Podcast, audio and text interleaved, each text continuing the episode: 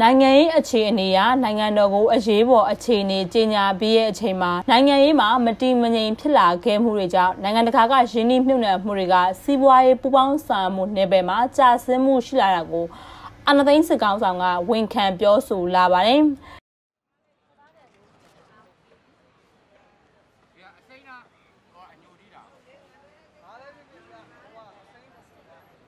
ဒီဇင်ဘာ3ရက်နေ့ကနေပြည်တော်မှာရှိတဲ့စစ်ကောင်စီဥက္ကဋ္ဌရုံးအစည်းအဝေးခန်းမမှာအခုလိုပြောဆိုရလဲဖြစ်ပါတယ်။မိမိအနေနဲ့တော့ကုန်ထုတ်လုပ်မှုတွေတိုးတက်စေဖို့တွန်းအားပေးဆောင်ရွက်မှုတွေကြောင့်ထိုက်တဲ့လောက်တိုးတက်မှုတွေရှိလာခဲ့ပေမဲ့လည်း COVID-19 ရောဂါဖြစ်ပွားနေတဲ့ကာလဖြစ်တဲ့အတွက်လည်းကန့်သတ်မှုတွေရှိတဲ့အတွက်ကမ္ဘာနိုင်ငံတွေမှာစီးပွားရေးကျဆင်းမှုတွေဖြစ်ပေါ်နေရလို့ဆိုပါတယ်။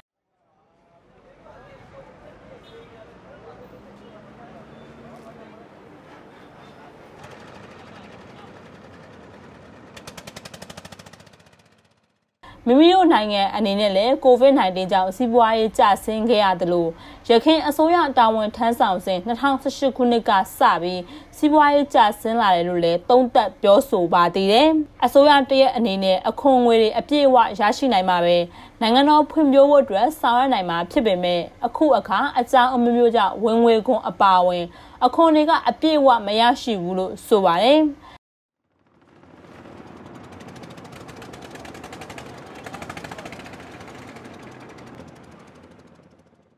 နေဆက်ဒေသတွေကနေပြည်ပပို့ကုန်သွင်းကုန်တွေမှာအခွန်ကောက်မှုတွေကစနစ်တကျမရှိတဲ့အတွက်နိုင်ငံတော်အတွက်နစ်နာမှုတွေအများကြီးဖြစ်ပေါ်နေပြီးအခွန်ကောက်ခံမှုနဲ့ပတ်သက်ပြီးမတမာမှုတွေကိုဖော်ထုတ်ထိန်းသိမ်းပြီးကြက်မတ်ဆောင်ဖို့လိုအပ်တယ်လို့လည်းစစ်ကောင်ဆောင်ကပြောဆိုသွားပါသေးတယ်။။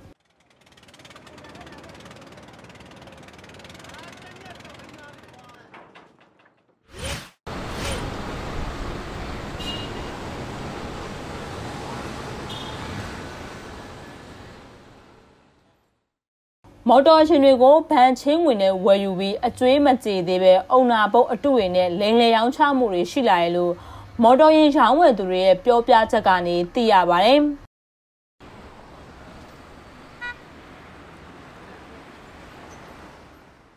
မော်တော်ယာဉ်ဝယ်မယ်ဆိုရင်ရန်ကုန်တိုင်းကညနာမှာရင်းမှတ်မှန်အုံနာပုတ်မှန်မှန်စစ်ဆေးရာတွေကိုပြုလုပ်ဖို့လိုရဲလို့လည်းသိရပါတယ်။ ကုမ္ပဏီဘက်ကနေဘဏ်ချင်းဝင်နဲ့ဝယ်ယူပြီးငွေအခြေမချေနိုင်မဲ့ဘဏ်ကိုလည်းငွေပြန်ပေးသွင်းတာမပြုနိုင်တဲ့အခြေအနေတွေဖြစ်ပေါ်နေရလို့မော်တော်ယာဉ်ရောင်းဝယ်သူတွေကပြောဆိုပါတယ်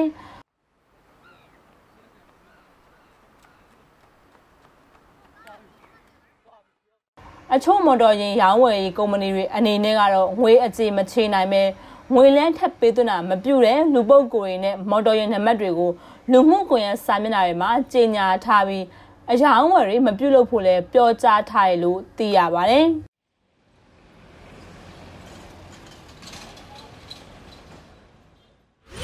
pleasure that was once rare and risky in Myanmar the internet ဖုန်းခေါ်ဆိုကနဲ့အင်တာနက်သုံးစွဲခါနှုံထားတွေတိုးမြင့်သတ်မှတ်မယ်ဆိုရင်ဖုန်းအော်ပရေတာတွေကိုစစ်ကောင်စီရဲ့လက်ပါစီတွေဖြစ်သတ်မှတ်ပြီးတာဝါတိုင်းတွေကိုဖျက်ဆီးမယ်လို့ Area 21 Revolution Network ကဒီဇင်ဘာလ9ရက်နေ့မှာထုတ်ပြန်ကြေညာလိုက်ပါတယ်။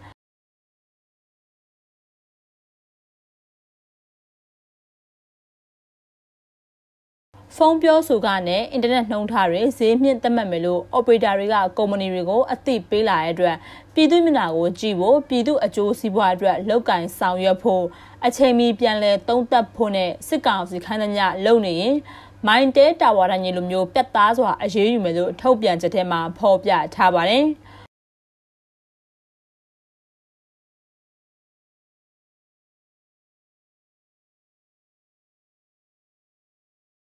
ဖုန်း operator တွေကိုအခုလိုသတိပေးတာက Area 21 Revolution Network အဖွဲ့အနေနဲ့ပထမဆုံးနဲ့နောက်ဆုံးအကြိမ်ဖြစ်တယ်လို့လည်းဆိုပါတယ်။ Area 21 Revolution Network အဖွဲ့ဟာမြန်မာနိုင်ငံမှာဒေသအသီးသီးကစစ်အာဏာရှင်ကိုတော်လှန်နေကြတဲ့ဒေသကာကွယ်ရေးတပ်ဖွဲ့တွေစုပေါင်းထားတဲ့အဖွဲ့အစည်းလည်းဖြစ်ပါတယ်။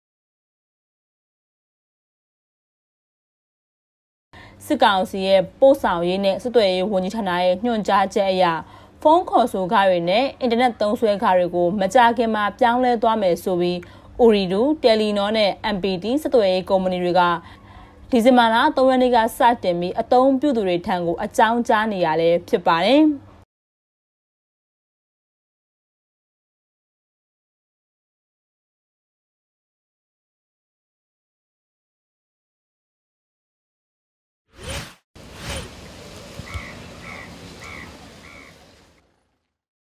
2021ခုနှစ်ဒီဇင်ဘာလ3ရက်နေ့မှာဗဟိုဘဏ်ကဈေးပြိုင်လေလံစနစ်နဲ့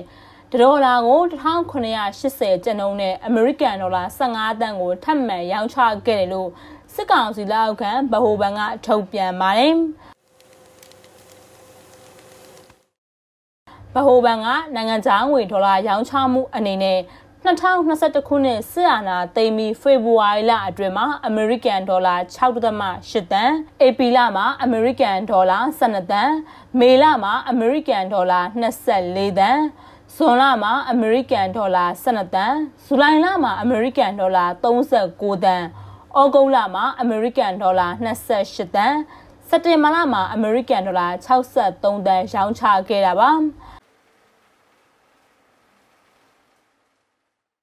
ဒီလိုရောင်းချတာကကာလတိုတွင်နိုင်ငံခြားငွေလဲလှယ်နှုန်းအတက်အကျကြီးမားခြင်းကိုလျော့နည်းစေဖို့နဲ့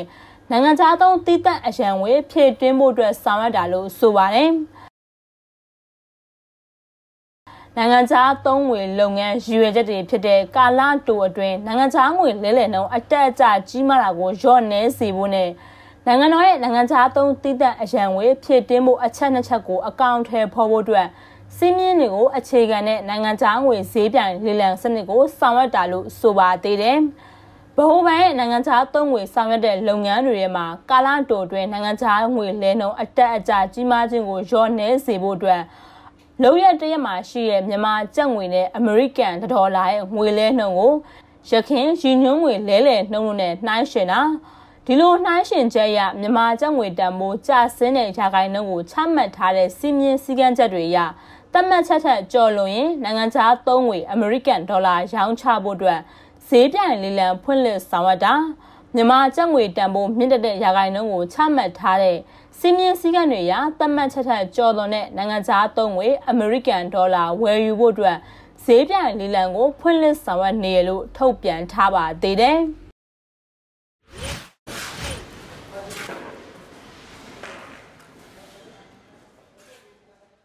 တိစောက်မှုဆိုင်ရာတင်နာလုပ်ငန်းတွေအတွက်ငွေပေးချေမှုကိုရခင်ကသတ်မှတ်ထားတဲ့ပေးချေရမယ့်ပမာဏကိုလျှော့ချလိုက်ပြီး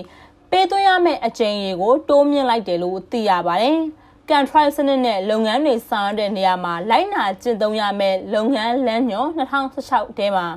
လုပ်ငန်းပေးစီမှု25ရာခိုင်နှုန်းအတွက်လုပ်ငန်းတန်ဖိုးရဲ့25ရာခိုင်နှုန်းကို၄ချိန်ခွဲပြီးပေးချေဖို့အတွက်သတ်မှတ်ထားတာဖြစ်ပါတယ်။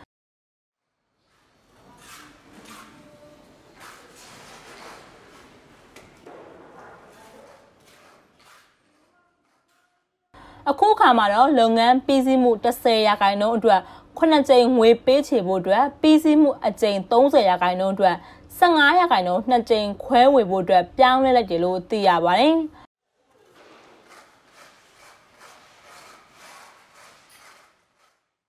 လုပ်ငန်းပေးစီးမှုရာခိုင်နှုန်းတွေကိုအရေးသွေးစစ်စေးအဖွဲ့ရဲ့အစီရင်ခံစာနဲ့အတူတင်ပြလာတဲ့အခါ သက်ဆိုင်ရာတိစောက်ရေးလုပ်ငန်းစစ်စေးရေးကော်မတီကအ ਨੇ ဆုံးအဖွဲ့ဝင်အရေးအတွက်90ရာခိုင်နှုန်းအထက်နဲ့စစ်ဆေးပြီးထောက်ခံအတည်ပြုရတဲ့ရက်ကနေ14ရက်အတွင်းသက်ဆိုင်ရာဌာနကကုမ္ပဏီတွေကိုငွေပေးချေရမယ်လို့ဆိုပါတယ်။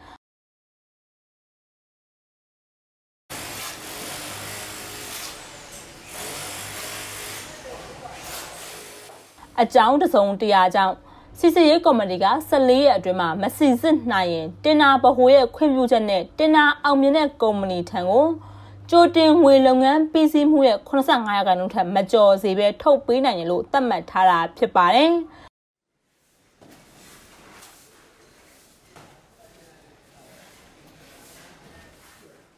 ဒီငွေပေးချေမှုကစုစုပေါင်းလုပ်ငန်းရဲ့80ရာခိုင်နှုန်းအထက်မကျော်မီခံမှန်းချေစည်ရင်းကို တိစောက်ရေးလုပ်ငန်းစစ်စီရေးကော်မတီရဲ့အတီးပြုချက်ရရှိပြီးဖြစ်ရမယ်လို့ဆိုပါတယ်။